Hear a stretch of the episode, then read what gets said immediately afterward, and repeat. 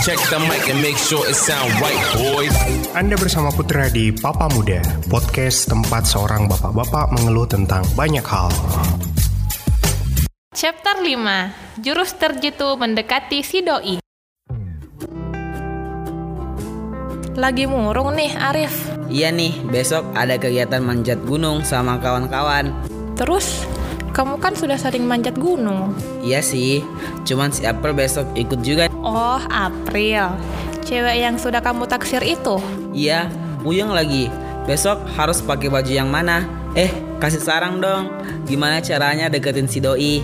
Pernah dengar penelitian tentang kolonoskopi nggak?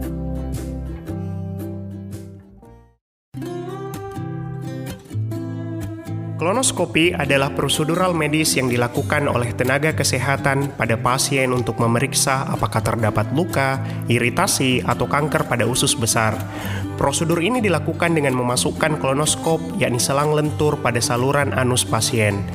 Biasanya durasi pelaksanaan kolonoskopi ini adalah 30 menit. Karena kecanggihan peralatan saat ini, prosedur medis ini tidaklah sesakit pada saat eksperimen mengenai pengalaman manusia pada kolonoskopi dilakukan pada tahun 1990-an. Ada dua orang peserta eksperimen, sebut saja pasien A dan pasien B. Pasien A akan menjalani kolonoskopi dengan durasi 30 menit. Sementara itu, pasien B juga akan menjalaninya. Namun yang berbeda adalah selain 30 menit waktu normal, pasien B menjalani kolonoskopi dengan tambahan waktu sekitar 10 menitan. Pada pasien A, sakit yang dirasakannya akan intens selama 30 menit waktu berjalan. Persis sama dengan pasien B, namun pasien B mendapatkan tambahan waktu kolonoskopi, namun rasa sakit yang dirasanya dalam 10 menit terakhir tidaklah seburuk sebelumnya. Tentu saja secara rasional kita akan berkesimpulan pasien B menderita lebih lama dibandingkan dengan pasien A. Namun hasil dari eksperimen tersebut membuktikan pasien A mengaku sangat menderita jika dibandingkan dengan pasien B. Loh kok bisa? Hal tersebut terjadi karena manusia memberikan penekanan yang besar terhadap akhir dari sesuatu. Penilaian mereka akan mengikuti ingatan tentang akhir dari sebuah perihal. Sehingga, pada saat Anda ingin ke rumah calon mertua, berikanlah kesan yang menarik pada saat Anda akan meninggalkan rumah.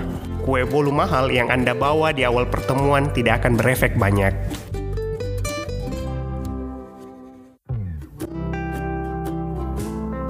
Gitu Arif Oh, paham-paham. Lagi dong. Hmm, apa ya?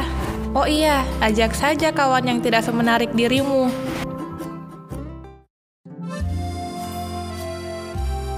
Hannah Fry dalam bukunya yang berjudul The Mathematics of Love menjelaskan penelitian yang dilakukan oleh Dan Ariely.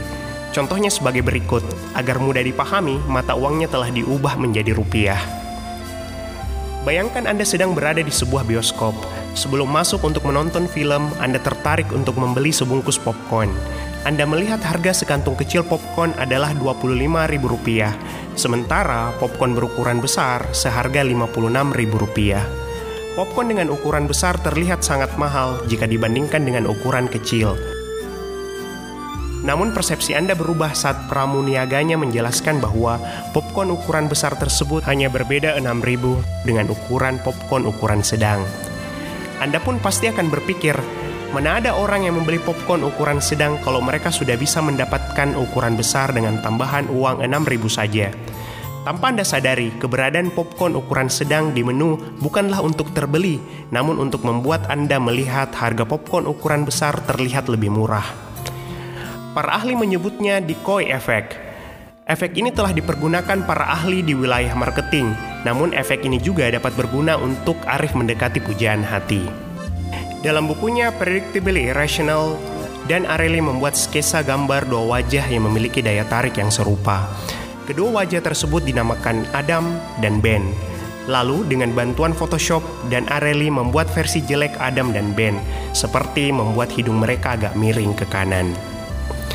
Setelahnya, Dan Areli kemudian memasangkan gambar-gambar tersebut pada lembar pertama.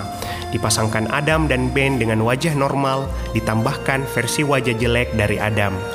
Dan pada lembar kedua, dipasangkan Adam dan Ben dengan wajah normal, ditambahkan versi wajah jelek dari Ben. Kedua lembar tersebut kemudian diberikan kepada 600 mahasiswanya. 50% di antaranya mendapatkan lembar pertama dan 50% lainnya mendapatkan lembar kedua. Lalu mereka diminta untuk memilih wajah yang mana terlihat paling menarik buat mereka.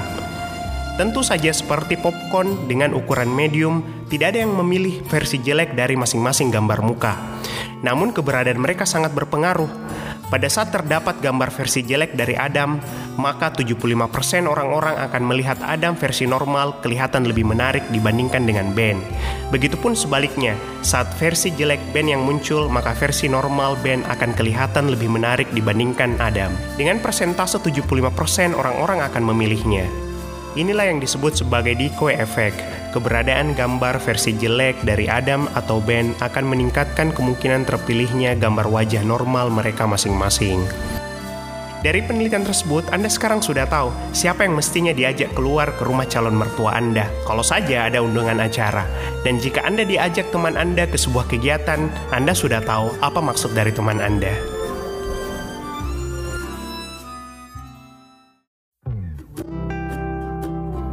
Emang kalian udah kenal lama? Belum sih, baru beberapa minggu gitu. Oh, nasib, nasib. Eh, saran lagi dong gimana sih caranya dari temen jadi gebetan?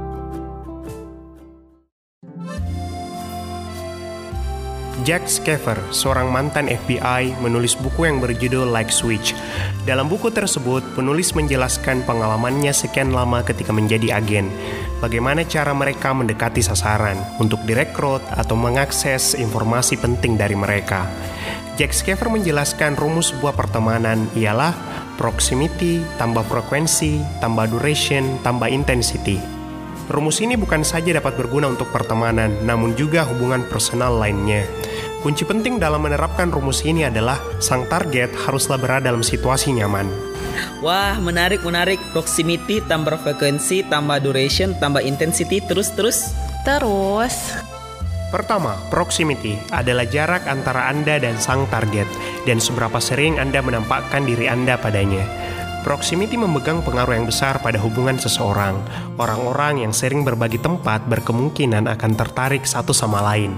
Banyak di antara kita yang memiliki teman sekamar atau teman sekosan yang masih tetap akrab sampai sekarang. Kedua, frekuensi. Seberapa banyak kontak yang Anda lakukan dengan target. Dan ketiga adalah duration. Duration adalah seberapa lama Anda menghabiskan waktu dengan target. Yang terakhir, intensity adalah seberapa mampu Anda memuaskan kebutuhan psikologis target dengan menggunakan perilaku verbal dan nonverbal. Apakah pada saat target meminta saran atau hanya ingin curhat? Proximity tambah frekuensi tambah duration tambah intensity adalah pertimbangan yang mesti dipenuhi untuk menjalin hubungan personal. Jack Schaefer itu bukannya mantan agen FBI yang terkenal itu ya? iya, ke semua saran itu dari pengalamannya setelah bertahun-tahun jadi agen. Tapi tunggu dulu, bukannya kamu juga sedang suka dengan Amel, anak fakultas fisika itu kan? Iya sih. Sedang galau nih. Eh BTW untuk hubungan jangka panjang, kualitas yang penting dari pasangan apa sih? Kalau dalam bukunya Logan Yuri, ada enam hal penting yang baiknya dimiliki pasangan, yakni yang pertama, emosi yang stabil dan baik hati. Yang kedua, setia. Yang ketiga, punya pemikiran growth mindset. Yang keempat, memiliki kepribadian yang membuatmu dapat memaksimalkan potensimu. Yang kelima, memiliki kemampuan mengelola perselisihan. Dan yang terakhir, dapat menyelesaikan masalah-masalah berat denganmu.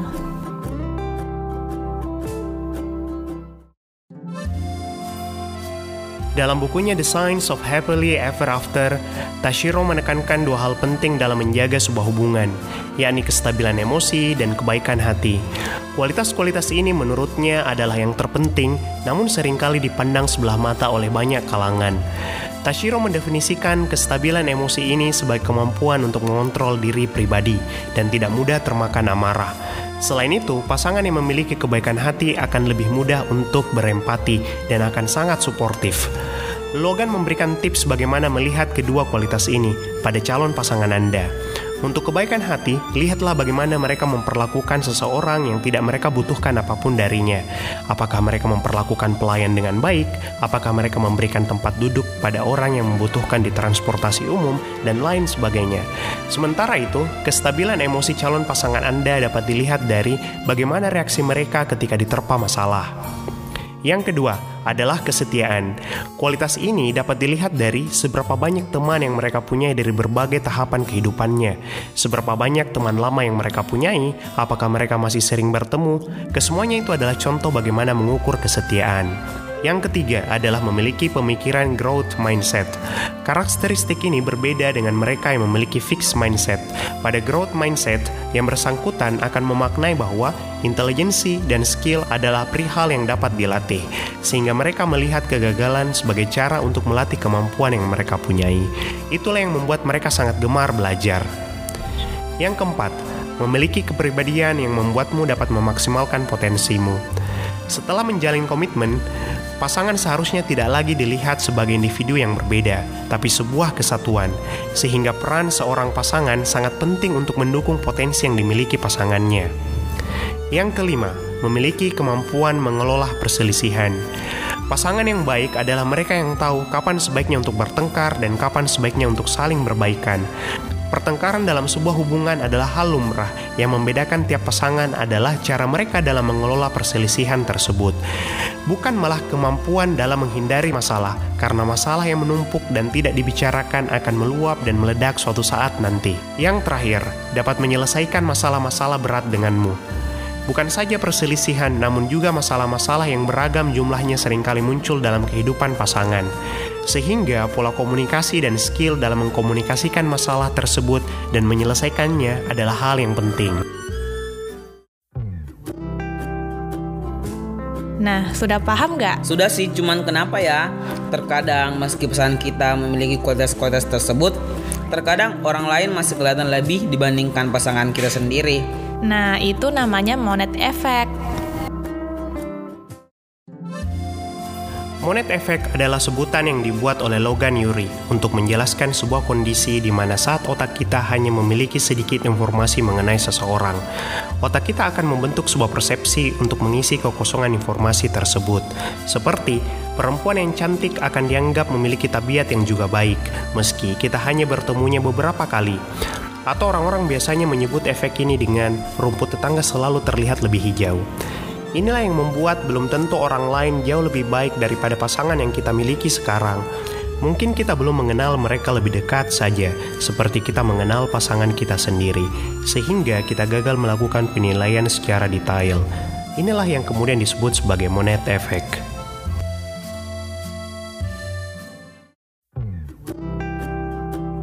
Wah, kalau gitu saya nggak usah ikut manjat gunung besok. Loh kok?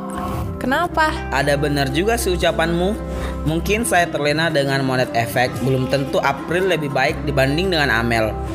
Mungkin karena saya baru kenal April, jadi otak saya penilaiannya hanya diisi hal-hal baik April saja. Hmm, itu keputusan kamu sih. Ya udah, daripada kamu pergi manjat gunung, mending kita dengar podcastnya Papa Muda saja yuk. Yuk, Itulah podcast kita hari ini. Sampai jumpa di lain kesempatan. And let's always remember to be kind to one another.